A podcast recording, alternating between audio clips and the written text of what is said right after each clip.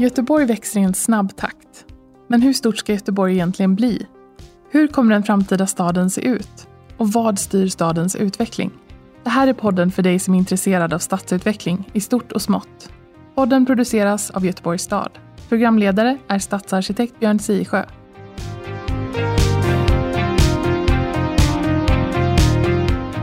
Hjärtligt välkomna ska ni vara till Götepodd.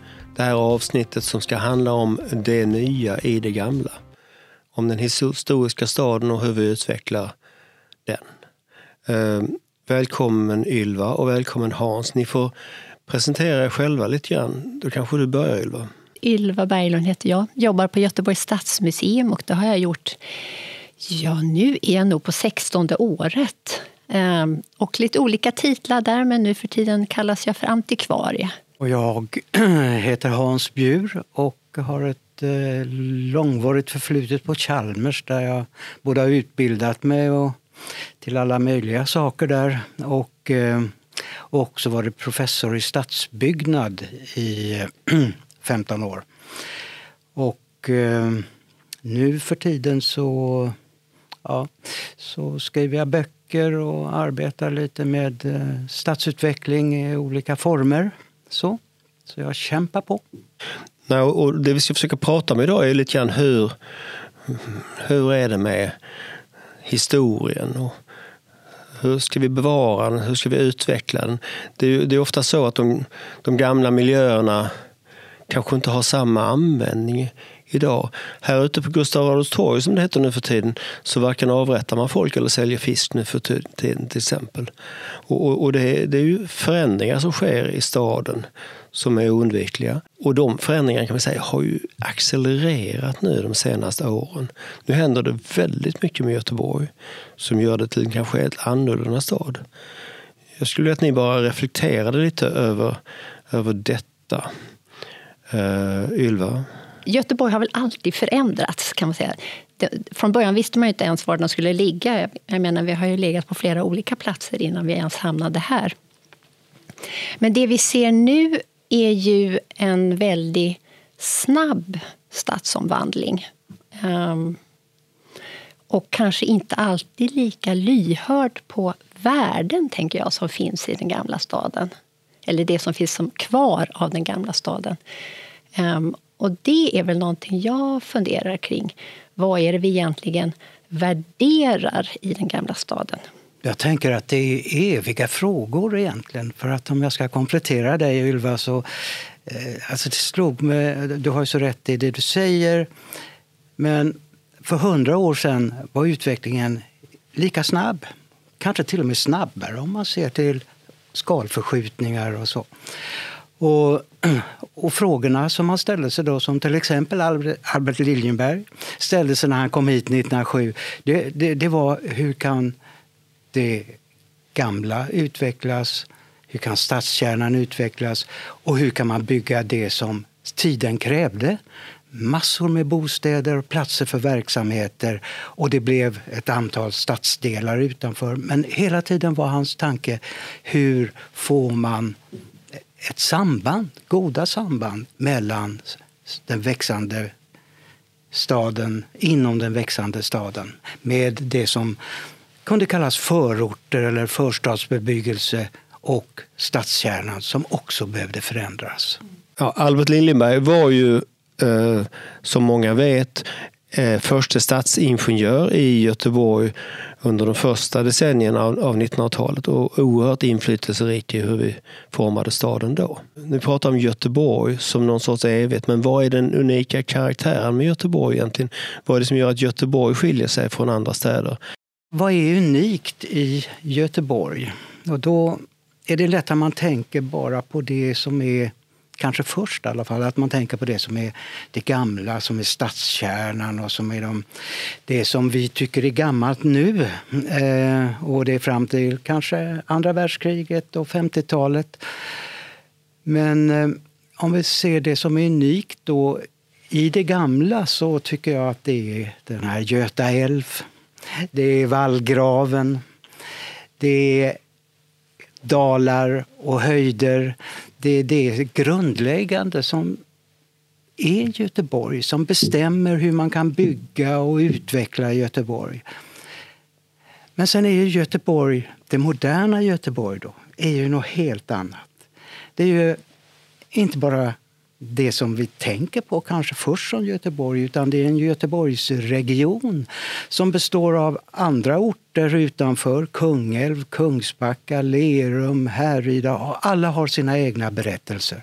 De har ett centrum och de har en periferi precis som de är del av Göteborgs periferi. Vad innebär det? Det är ganska komplicerat, eller komplext som man brukar säga. Och att tänka på Göteborg måste ju ändå för stadsplaneringen, för stadsutvecklingen vara att på något sätt attackera det här omöjliga som är den stora helheten. Det är den som vi ser växa.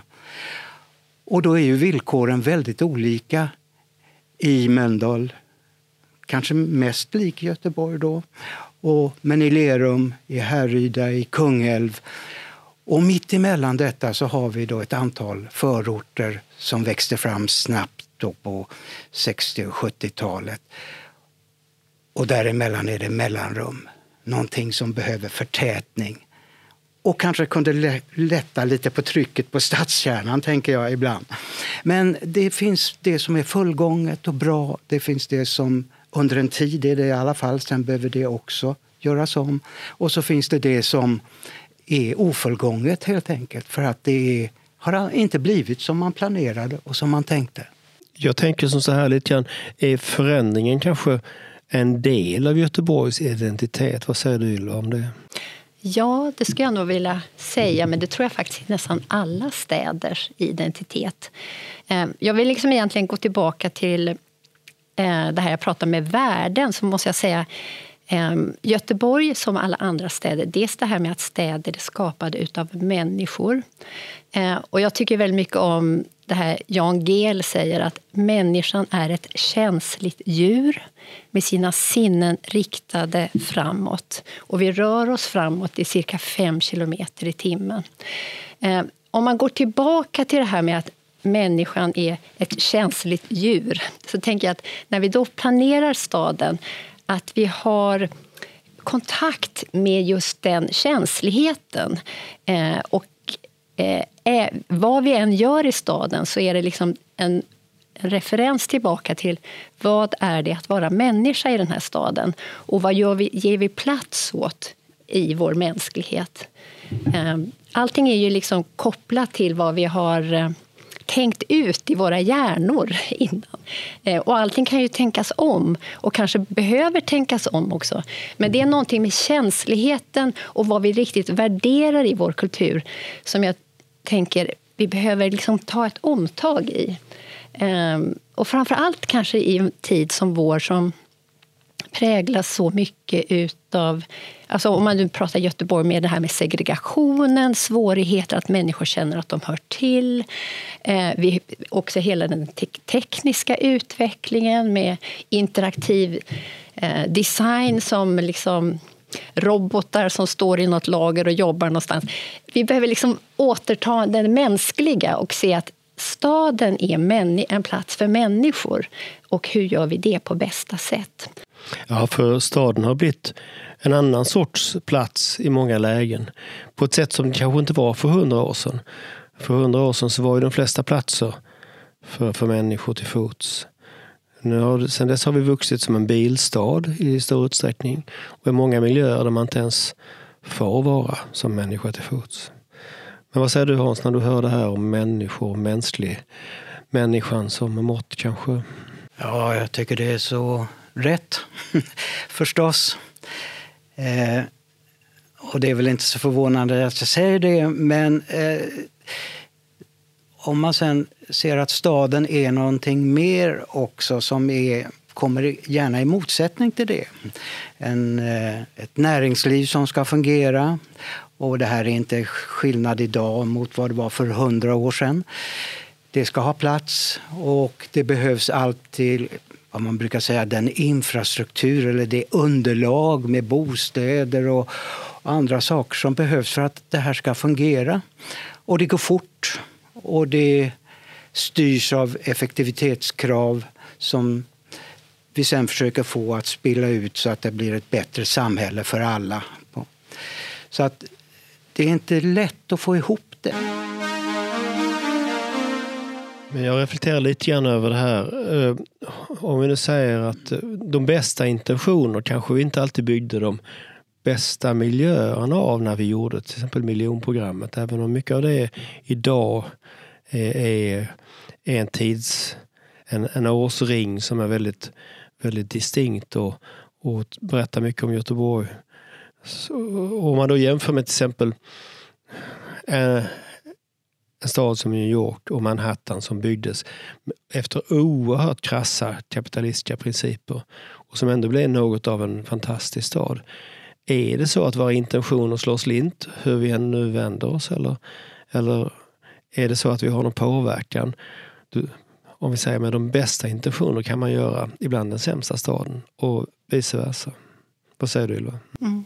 Jo men det kan man nog göra men jag tänker att då får man också ta eh, heter, gör om och gör rätt. Ska jag säga då. Eh, när man ser att någonting inte blir bra. Eh, och sen så kan man också säga det att eh, en, nu är inte jag specialist på eh, efterkrigstidens arkitektur men en del utav eh, den innehöll ju fantastiska lägenheter, alltså den här höjda standarden, bra utrymme för barn, eh, alltså det här med trafikseparering och liknande. Men ehm, eh, att man verkligen ser hur får man med eh, de goda kvaliteterna även när det ska liksom i en, vad man säger, en global ekonomi som vi ju befinner oss i. I en global kapitalism som styr och påverkar även Göteborg. Den påverkar ju allting. Vi sitter ju ihop på det sättet. Ehm, och då tänker jag att i vår tid så kan man som sagt eh, mycket utav Eh, det, det, uttryck som vår tid tar sig ser ju på något sätt copy-paste från alla andra platser på planeten. Och då, då kanske det blir ännu viktigare att se vad var unikt med Göteborg. Eh, kan vi på något sätt behålla den här kraften som finns på vår plats? Eh, och kommunicera, givetvis så att det blir bra stad för oss nu men framför allt för våra barn och barnbarn. Eh, och jag måste säga att jag har haft mycket liksom, connection med det här begreppet KASAM, tror jag man säger, KASAM, eh, som handlar om om eh, sammanhangsskapande. Hur, alltså det här med eh, salutogena miljöer, alltså det hälsobringande miljöer. Hur skapar vi sammanhang i en tid där det är så mycket som är uppe och flyger för oss? Salutogen, ja det lät lite småfarligt. Det var ju skönt att höra att det var ett ord för något, någonting bra. ja. Men vad säger du Hans när du hör detta? ja, jo, det, eh, det är mycket som ska in. Och vi är numera väldigt många specialiteter som ska samverka. Du och jag ska samverka. Du är byggnadsantikvarie, jag är arkitekt, stadsplanerare, stadsbyggare, stadsutvecklare eller vad man ska kalla det. Jag ägnar mitt liv åt det. Eh, och för mig är då inte den enstaka byggnaden, eh, det är inte min specialitet. Jag håller på med det också, men det är inte det som är det, utan det är byggnaderna tillsammans, hur de skapar just platser, miljöer, gaturum, hur de också medger att vi kan röra oss i, i staden fritt. Och hur de där samverkar då till en stadsbild, olika stadsbilder, jag tittar på sånt som stadssilhuetter. Och, så det är min profession då att eh, just eh, eh, försöka fundera över, och jag har forskat, jag har funderat, jag funderar jämt över såna saker som är där jag förutsätter att det finns arkitekter som kan klara av gestaltningen av de enskilda byggnader. Att det finns bebyggelseantikvarier som förstår att eh, framföra värdena i den, vad vi ska ta hänsyn till. Och sen är det andra områden som gäller just det här livet som du talar om, då, som är andra professioner. Och en svårighet idag förefaller mig vara hur man får ihop allt detta på ett bra sätt. Jag tycker att det mellan ditt område som bebyggelseantikvarie och mitt område som arkitekt så finns det ett glapp. Och jag tycker att det borde vara en ganska, om inte enkel, så en framkomlig väg att skapa det där mellantinget då. Som är att jag behöver veta de här värdena som är. Det finns ju, man pekar ut byggnader då som kanske inte ska restaureras eller konserveras för att de är så viktiga. Men de har någonting annat i sig som är just det här igenkänningen. Jag kommer att tänka ofta på Gamlestan. Och på, jag har till och med haft arkitektkontor där en gång för 50 år sedan. Så att med, med SKF, med alla de gamla byggnaderna 50 år senare blev jag inblandad i ett projekt som heter Nya Kulan där allt det här skulle bli en ny stadsdel. Och, och det pulserar i Gamlestan. Äntligen kommer den tid som jag har längtat efter och, och säga den måste komma. Det här kan bli den intressantaste stadsdelen och ljuvlig på många sätt med allt sitt stora kulturarv som är då Liljenbergs arv men som är också verksamhetsarvet från SKF och många andra Gamlestans fabriker. Så där är det så att det känns att där finns också den här öppna platserna. Det kan bli ett öppet SKF var ju slutet, men när SKF öppnar sig så öppnar det sig också för människor som du nämner. då. Och I ändan av det så ligger då en intressant marknad där verkligen många människor från olika delar av världen möts. Bellevue marknad tror jag den heter. Mm. Och nu är det faktiskt så att nu är vi igång igen med SKFs område för att bygga om och bygga nytt och komplettera det som, det som var och sånt. Men där skulle jag fråga dig Ylva, vad, eftersom vi inte kan bevara allt och eftersom vi, vi inte kan Alltså, vi, vi, måste bygga en större stad för fler människor. Vad, vad, vad, hur gör man och vad gör man när man bedömer detta? Det här måste vara kvar. Det här kan ni göra vad ni vill med. Och alla grader däremellan. För det där måste ju vara det svåraste nästan. Ja, det tror jag att det är verkligen en svår fråga att, eh, att eh, avgöra.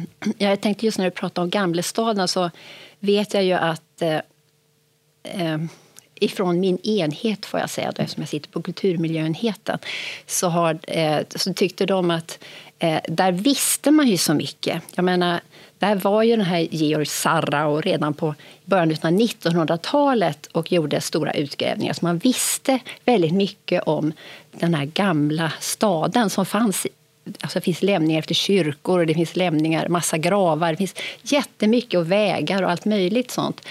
Eh, men trots det så kom, man inte riktigt, kom inte den kvaliteterna med in i det område man byggde. Så man, jag vet att de jobbade med de här brunnslocken och liknande men man fick ändå inte med liksom den här kraften ifrån den här gamla platsen fast man hade så mycket kunskap redan när man gick in i processen. Eh, så det kan man kanske så här, hur gör man? Jag har inte en lösning, men jag måste säga, hur gör man för att verkligen docka in i den här kraften då, utav att här har vi ett jätteintressant material på den här platsen. Hur gör vi för att det följer med in i det här nya vi bygger? På vilket sätt ska det här liksom vara av, eh, avläsbart, kanske man ska säga, i den här stadsdelen? Men, men det är väl lite så, där kan jag bli så här, men där fanns ju en utgrävning, ja, men det fanns ju inte någon några avtryck på ovan mark liksom som, som berättade om detta. Så att det fanns ju inte i folksjälen riktigt utan då är det, då är det specialistkunskap som, som skulle avspegla sig på det nya man bygger. Jag vet inte riktigt hur det skulle gå till. Jag, jag blir nyfiken. Ja, inte jag heller kan jag säga, men jag, bara, jag blir ändå så här. Jag tänker att det är en sak när man i arkeologiskt hänseende gör en grävning och man vet inte riktigt vad man ska hitta. Då kan det vara så här, hoppsan hejsan, här kom det ena och det andra fram. Men när man redan vet vad som ligger på en plats eh, så borde ju det ändå vara uppe i processen på något sätt i hur man då skapar den nya staden. Eftersom det här var ju en slags för, föregångare till det Göteborg som vi sitter i idag. Hans? Så tänkte faktiskt Albert Liljenberg för hundra år sedan. Så han eh, var Sixten Strömbom som var eh, antikvarie, eller han var konstvetare och eh, blev så småningom professor här i Göteborg i konstvetenskap. Men han, Liljenberg bad honom att göra undersökningar av just Nya Lödöse, och, eh, vilket han också gjorde. Precis som Liljenberg skickade ut honom i Majorna för att ta reda på hur ska vi förhålla oss till de gamla Majorna som, som var som ett fiskeläge som var helt annorlunda än det som var möjligt att skapa för Liljenberg. Och det var inte effektivt så, men det var så värt att bevara, eh, ansåg han. Och han ville ha sakkunskap. I, när han byggde sin plan för Gamlestan, Liljenberg alltså, så var det ju ett torg som hette Gamlestads torg. Och på den så fanns det en, i alla fall någonting av det gamla som kom upp över markytan. Och det var en, en, ett avtryck kan man säga av den kyrka som hade legat på det. Och det ingick i parken, med sten, det var stenläggning i parken som visade det. Så att det har funnits och sen så försvann det och eh, då vid omdaningarna av det här området och ännu mer idag. Så att det har funnits och frågan är och hur mycket sånt betyder. Jag skulle vilja borra lite djupare i det här, i det nya, i det gamla. För, för, för om man, vi pratade lite grann, om man tittar på Göteborg, vad är det som är, vad är, det som är omistligt och, och vad är det som är förändringsbart och vad är det som vi kan strunta i. Eh, det där förändras givetvis över tid. Just nu kanske det postmoderna arvet i, i, i rosa infärgad marmor eller eh, betong eh, kanske inte det som vi är mest bigga på. Men om 20 år är det kanske det. Eh, men om ni ska liksom bara nämna några miljöer i Göteborg där man som är svåra att tänka sig att vara av med. Eh, vilka skulle det vara då, spontant? Ja, jag tänker ju på att stadskärnan kan vi inte undvara. Stadskärnan måste ju finnas kvar och problemet är ju att saker och ting förändras, inte fysiskt, inte byggnaderna som behöver förändras, men innehållet förändras så dramatiskt. Och just nu med e-handel och annat så, så är stadens kärna väldigt utsatt. Och man är också, när staden är mitt inne i ett skifte rörelsemässigt, vad menar jag med det? Jo, att eh, man hade ju, för 30 år sedan var stora frågan hur man skulle kunna få in parkeringsgarage och mer parkeringsplatser i, i centrum. Det är inte frågan idag, utan då har vi istället kommer vi få ny tillgänglighet med ett nytt transportsystem som heter Västlänken som ju säkert blir fantastiskt för staden. Och eh, då så är, är hur kan man klara de förändringarna som är verkligen är ett finlir och kräver något annat än att ta fram eh, ritlinjalen och börja rita på någonting utan det är andra processer som förändrar. Eh, det andra än till och med andra än arkitekter och andra än bebyggelseantikvarier som kan gjuta liv i och, göra det som är nödvändigt för att det ska vara en stadskärna, ett stadsliv med verksamheter och att det är det är det som är kärnan i det. Men sen är ju stadskärnan då omringad av att vi kan säga så tydligt vad är stadskärnan. Det beror ju på att vi har en vallgrav som, som finns kvar. Åker man till ah, de flesta städer ute i Europa så är inte de här vallgravarna kvar, utan de har blivit ringledar, den första ringleden runt städerna. Wien till exempel, Ringstrasse. Men vi har den kvar och har ett fantastiskt möte mellan, i vallgravsstråket och mellan parker och torg och små pocket där, bastionsplatser som växer ut på den gamla och vittnar om den här strukturen. Så är det trasigt vid stationen, järnvägsstationen, men inte så att man inte känner hela sambandet och med Fatthuskanalen som fortsätter sen. Det är någonting som är så värdefullt. Att man måste fortsätta med i Liljenbergs anda. Han, när han kom så såg han det här är Göteborg. Det här. Telegrafverket ville göra någon stor ful byggnad nere vid vallgraven och det satte han sig emot och petade upp det till där det nu ligger.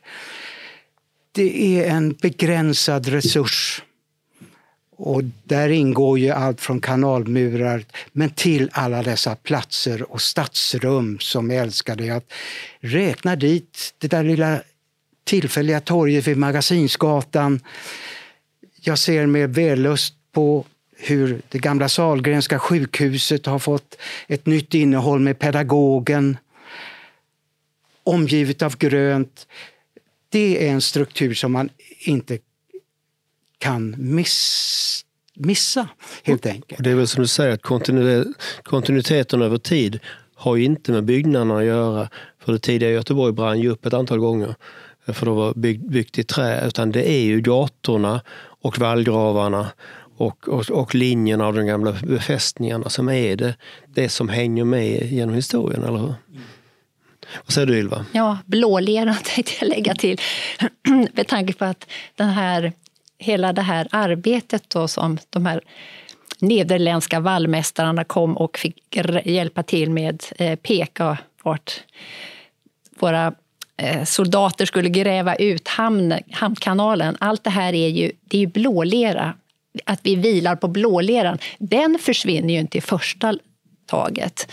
Eh, och där har jag ju liksom eh, en brasklapp då kan man säga då kring det och det är ju att vi eh, när vi pratar här om det äldsta Göteborg så måste vi också ta det i tänka på just det att vi, vi ligger också på den lägsta punkten vid Göta älv. Just det, så att om vi inte gör någonting Precis. så kommer vi ha ett översvämmat Venedig, mm. åtminstone vid vissa tillfällen. Ja. Eh, så att vi måste egentligen vi måste utveckla, vi måste bygga om, om det så bara är för att bevara staden. Eller hur? Mm, eller hur? Så där, det, vi har ju stora arbeten framför oss när det gäller den gamla, just det här, hur håller vi kvar värdet av den gamla citykärnan, den stadskärnan? Och att den också har legat kvar under de här 400 åren. Det är ju många andra städer som stadskärnan flyttar på sig, men här har den faktiskt legat kvar. Eller att man skottat igen alla, alla vallgravar och, och, kanaler. Vi har skottat igen några stycken i Göteborg men inte, inte så många så att det, det inte går att läsa av längre. Men om du skulle ta ett annat exempel på någonting som du tycker är, är faktiskt helt omistligt i Göteborg som vi måste eh, det är så mycket. Jag känner som att jag, blir alls, jag kan nog inte riktigt så här, oh, något som är helt omistligt. Jag älskar ju det här det, att det kuperade, det vi pratade om, topografin. Jag älskar att eh, Eh, det är liksom bergigt i vissa delar, att det är kuperat, att jag, att jag kan röra mig, eh, kämpa upp för den medicinarbacken ibland. Och jag älskar att det ser ut så där, att det är berg som kommer upp i dagen. Eh, eh, jag älskar växtligheten. Eh, jag älskar också hur som sagt, jag pratar Liljenberg här och eh, det är ju ändå man hatten av för någon som kan tänka detta för hundra år sedan och vi fortfarande idag tycker det är fantastiskt. Så bra stad det blev, trots all förändring. Eh, där tänker jag att mycket av eh, att se de här områdena som fortfarande är i full svung, liksom, som fortfarande funkar så himla bra. Ja, för han gjorde också ganska mycket så att han, han, han, han drog gator i, i slingor längs, längs bergens kanter och så istället för som det förra idealet, liksom romerskt härläger, rutnätsmönster. Uh, eh, så att uh, och det är känsligheten, där kommer jag tillbaka till det här. Det är någonting med det här mänskliga och det lekfulla, det är skalan. Eh, och där kan man säga att i centrala stan, inga mera sådana stor, storbyggen som läggs in här i den här... Östra Nordstans köpcentrum. Mm. Nej, utan då får man dela upp det i mindre, mindre vad heter det? Eh, mindre uttryck, mindre segment. Inte ha det här storskaliga som funkar när du sitter i bil och blåser på i 90 kilometer i timmen eller högre. Utan mindre delar som funkar när du går med ditt vakna sinne och är intresserad på vad du ser omkring dig. Och det kan jag, det kan jag kommentera från en stadsbyggnadssynpunkt. Att flera gator, som till exempel Spannmålsgatan, försvann ju i omgörningen av Västra Nordstan. Det innebär att Västra Nordstan, där vi sitter nu, blir en ganska död och, eh, och förstenad stadsdel. För den, det finns, man, har inte, man har inte kontakten med omvärlden som man hade en gång i tiden. Har du några fler exempel på saker som du tycker bidrar till? För nu tycker jag vi börjar liksom bygga någon sorts känsla av en sorts karaktär för Göteborg. Alltså, det, ja. Alltså vallgraven, vatten. Jag säger Säveån. Allt väldigt ursprungligt. Ligger liksom på tidiga kartor innan staden anlades så fanns det här och Nya Lödöse låg ju där. Älven, älvens stränder, det är ju en väldigt begränsad resurs. En stor resurs men begränsad. Och den kommer ju stå inför den har omvandlats en gång när alla magasin och allting kom upp för hundra år sedan. Nu kommer den förnyas på något sätt. Det kan dra med sig saker som vi inte har sett så mycket av här nere som man kanske kunde önska sig. Färjetrafik, eh, transporter på vattnet, att eh, det vänder sig ner, att, den, alltså att älvstränderna och då tänker jag inte bara på den centrala delen som ju har förvandlats på ett intressant sätt, ett bra sätt ska jag säga istället. Eh, så under de här 30 åren som har gått. Men det kryper ända upp i, förbi Gamlestan och upp mot Marieholm och vissa... Det, där är Ja, vad jag vill säga egentligen är att de här grundläggande strukturen, vattendragen och, bergar och berg och dalgångar, hamnar som har fungerat under en lång tid som nu ska få en ny användning. Att jag skulle... Mig gör det ingenting om det tar lång tid att det här får utvecklas så att inte hela det partiet blir daterat som man brukar säga, syns att det är just från kring millennieskiftet. Utan nu, att nu, det får så växa. klokt ordnat så att det kommer ta lång tid för det är enorma områden. Men, men, om jag tänker på älven, älvens dalgång, då tänker jag ju ganska mycket på stora brötiga strukturer. Som, som broar, som kranar, som allt annat industriellt eh, som, som, som tar plats hela vägen utifrån och in. Värmekraftverk och eh, det är ju det är en väldigt storskalig och delvis lite, lite omänsklig skala på, på miljön så att säga. Det är, en, det är en industristad med både historiska spår och det nuvarande. Så det är inte gulligt, det är det ju inte. Va? Älvrummet. Nej, det är inte gulligt och det är ju kanske inte allt som behöver vara gulligt för det första och eh, sen är det när man eh, river eh, de här stora anläggningarna som du talar om så får man ju plats med ganska mycket annan typ av bebyggelse och andra verksamheter i det och de är, mycket av det är ju väldigt lättrivet. Däremot så är kajerna de är stora investeringar som står sig under lång tid och kan eh, kanske bära något nytt liv. Man kan se, det finns också i den, om man undersöker de här områdena, och där kommer man väl lite till ditt område, Ylva. Ni gör ju undersökningar och försöker se världen, föra fram värdena. Och ger man sig ut i Marieholmsområdet så hittar man de mest fantastiska små eh, platser som man är helt ovetande om, små restauranger. Allt är av en annan sort än det vi är vana vid. Men just det här med en annan sort är någonting som jag känner igen väldigt för, från, mycket från Rom också. Att det får finnas miljöer som är av en annan sort som blir också då en frihetens domän som du efterlyser där människor kan komma. Man överlagrar saker utan att, utan att, att, att borsta med klorin. Precis. Mm. Ja. Jag har ju precis det här, men jag tycker också att Eh, man ser de här äldre strukturerna efter våra älvstränder, de här resterna efter hamnen, så får man inte glömma bort heller att det här har ju varit en fantastisk plats för olika kreativa verksamheter i Göteborg.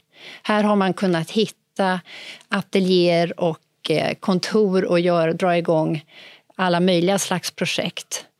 Eh, hela sockerbruksområdet är ett lysande exempel på det här och Palmhu pannhuset och eh, vilket fantastiskt rum det har blivit. Så att när man nu idag då ska riva väldigt mycket av den här äldre hamnstrukturen så tänker jag håll kvar en del också så att det finns plats för eh, nya unga människor att liksom starta sina olika kreativa projekt. Just för vi behöver vi behöver de, de rostiga skjulen, vi behöver ja. de billiga lokalerna. Ja. Som, som, som, och det, det är faktiskt så att där jobbar vi ganska mycket i hela Rinjöområdet runt detta. Så finns det ett enormt pengatryck på att man vill omvandla och bygga bostadsrätter och stå i. Men, men en stad behöver sina gamla rackliga skjul också för just sådana saker som inte har råd att betala nybyggnadshyrorna. Men, men jag, en reflektion jag har är det här, men det fula då? Det fula då? De postmoderna husen i skär betong, de, de stora industriella eh, strukturerna, är de värda att bevara? Ja, men om man har nytt liv i dem också, tänker jag. Eh, det är väl precis det. Ibland kan det, så, det, här, det som ser eh, som estetiskt inte är så mycket att hämta kanske med våra ögon sett kan ju fyllas då med massa annan verksamhet. Men, men det är ju viktigt det där med våra ögon sett för att nästa generation kommer kanske inte alltid tycka det. Då. Nej men precis, och de måste ju få sätta sin prägel på stan också. Eh, men jag, jag vill återkoppla till det där med om man säger det här Campus Näckrosen som sker i Göteborg just nu. Den stora satsningen med någon sorts kulturell förtätning där man eh, utbildningsmässigt sätter ihop väldigt mycket olika kreatörer.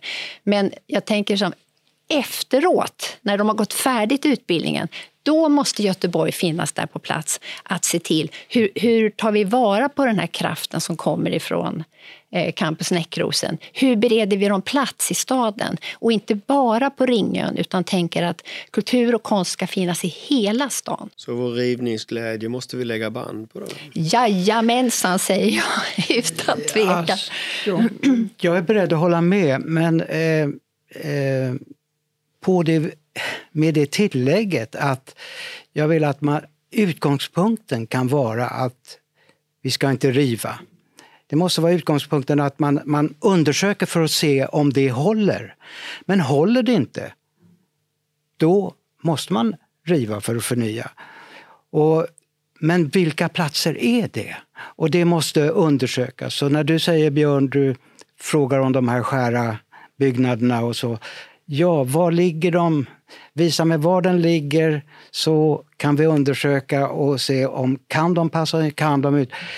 Jag kan inte ge ett generellt svar på en sån fråga utan den är så specifik. För den måste bli specifik.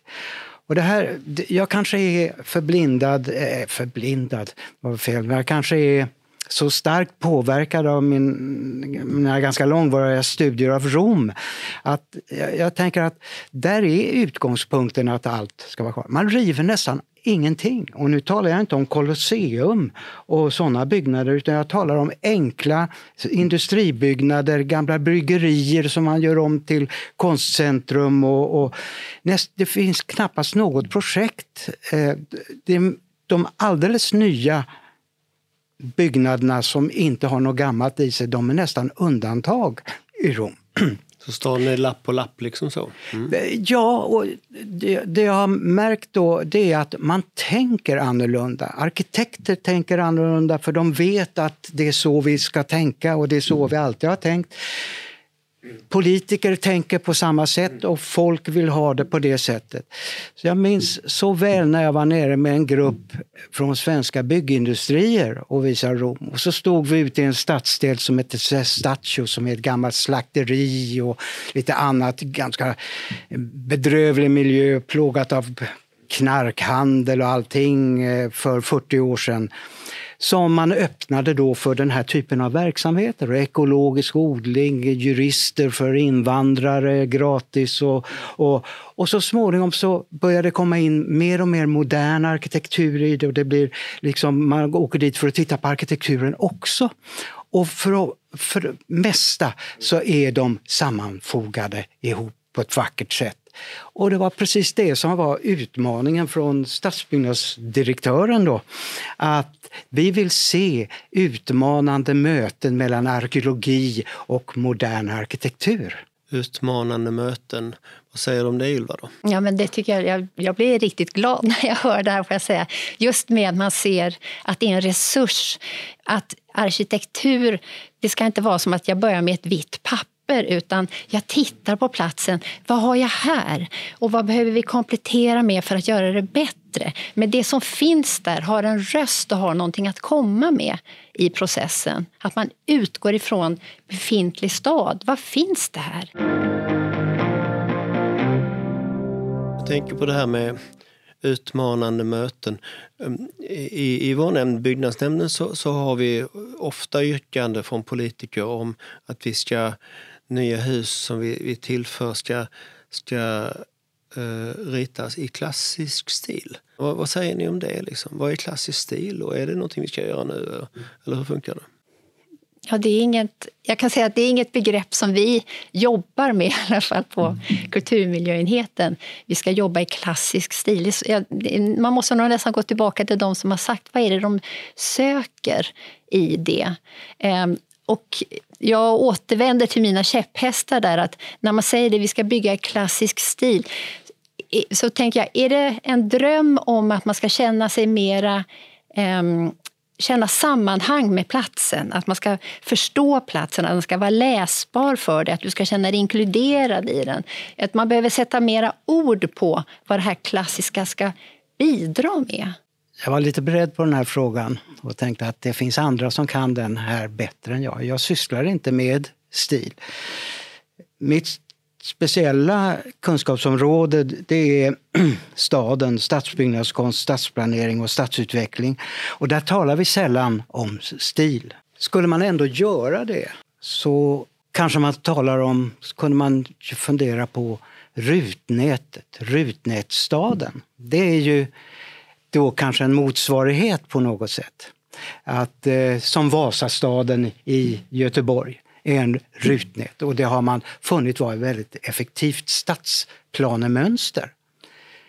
Men vi talar inte om det som stil. Skulle, det låter, verkar inte vettigt att använda det begreppet om rutnätstaden. Utan det är helt enkelt en gammal beprövad form att bygga stad som kan konkurrera med andra former som Liljenbergs former som var för hundra år sedan och funktionalismens former som var efter Liljenberg. Och nu är vi framme vid något, söker vi något annat, en annan effektivitet och framförallt söker vi stadsrummen igen och, och, och den eh, stadskänslan, stadsmässigheten. Och då är rutnätet bra.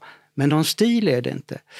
Så att jag tror att det, frågan är helt befängd. Första jag tänkte var rutnätet är ju bra så länge det inte är för tulligt.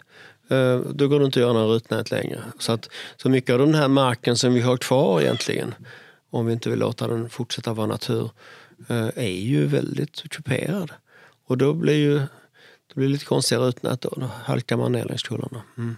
Vi har ju hela Gullbergsvass och allt det som är bäcknet absolut, som, som, är mm. Eh, lämpligt för det. Och, eh, men visst, du har helt rätt och det var ju så Liljenberg tänkte och det var ju det de red spärr emot. Att, eh, som de intelligensfria dynamitarderna som de kallar dem, som bara drog fram gator i rutnät över de högsta kullar. Ja, det var inte bra. Och då kom de med en lösning men rutnätet är då inte en stil, det är en praktiskt beprövad form för att bygga. sig. Ett praktiskt beprövat mönster.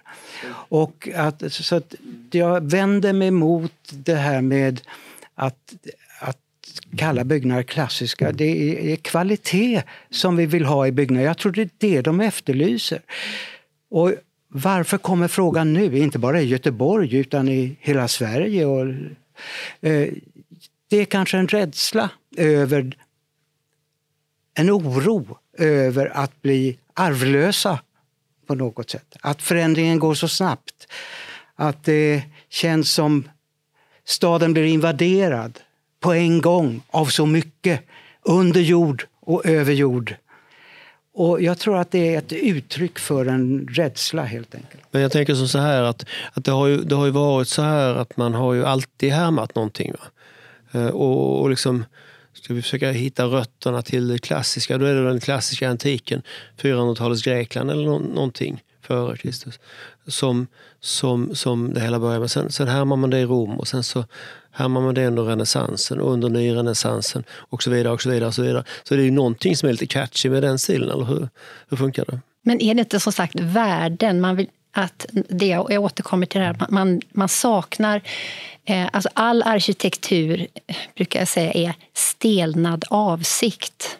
Det finns en tanke och den kommunicerar med dig och det är våra städer, är en massa stelnad avsikt. Och om man då ser att den tid som eh, det nya Göteborg som växer fram eh, den avsikt som finns kommunicerad i de fasaderna då eh, kanske inte slår an någon känslomässig sträng utav positiv art hos människorna och därför dyker det här upp, någon längtan efter det som kallas som klassisk arkitektur.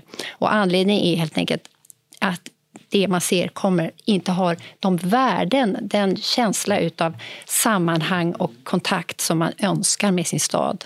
Men jag, jag, håller med dig där, men jag tänkte först bara på stelnad avsikt. Det låter lite deppigt. Det låter som man är för strakbent för att dansa eller någonting. Va? Men, men eh, jag förstår vad du menar. Det förstår jag. Man tänker, det handlar ju om tid också. ja, ja. Stelnad avsikt. Att det är någonting med det här som, jag, som kanske också eftersom jag kommer från kulturmiljöhåll, att vi jobbar med en annat tidsperspektiv egentligen. Eh, och och vilket ju också kan man säga då knyts ihop med det samhälle som vi nu ska bygga som handlar om hållbar stad, då handlar det ju inte om kortsiktiga vinster utan i första hand, utan om det ska vara bra för oss, men det ska vara ännu bättre för de som kommer sen. Att man tänker generationer. Och i regel så är ju staden står ju länge. Eh, och då ska den ha riktigt bra kvalitet och funka även för kommande människor det, som kommer till Göteborg. Längtan efter klassisk arkitektur är befängd. Men inte själva längtan. Det behövs ett svar. Det finns något som oroar och det behövs ett svar och det är inte klassisk arkitektur. Så eh, frågan är giltig men svaret är fel, fel kontext? Så mm. är det. Ylva, vad säger du om det? Ja, men jag instämmer verkligen i det. Det är faktiskt precis som man, man ser att det ställs en fråga men man har inte riktigt eh, förstått vad det är man frågar efter riktigt. Ylva och Hans, tiden börjar gå här nu och vi ska väl försöka avrunda. Jag skulle vilja avrunda med att ni berättar helt kort om er favoritplats i Göteborg, eller om ni har två får ni också berätta om det. Eh, vad är den bästa platsen i staden? Eh, oj, så svårt. Men jag tar ett väldigt eh, lågskaligt område. Då. Det är Hemliga stigen som går eh, från där jag bor till den matbutik som ligger i närheten, där jag gick med mina barn eh, under alla år när vi skulle gå och handla. Och där, där kan man också återvinna, man kan slänga sina sopor på vägen. Men just den här, en liten sträcka, verkligen ingenting särskilt eh, med den. Men den är liten eh, och det är stora träd och det är en förändring i naturen och den går parallellt med den asfalterade eh, gatsträckan. Så att kan man inte gå där uppe så kan man gå där nere och så kan barnen springa där uppe eller så. Den har någon form av kvalitet som är både det hemlighetsfulla, barnsliga men också en upptäcks, upptäckarglädje eh, på väg i vardagens myrstigar. Mm. Hans? Jag har ju, har ju talat mig varm för vallgravsstråket. Och det är ju mer än en plats, det är ju ett stadsrum som består av en mängd platser och jag kan säga att det, det tillhör Eh, mitt favoritstråk. Att röra sig från och till och längs med på alla. Det är en frihet ibland fantast i en fantastisk miljö.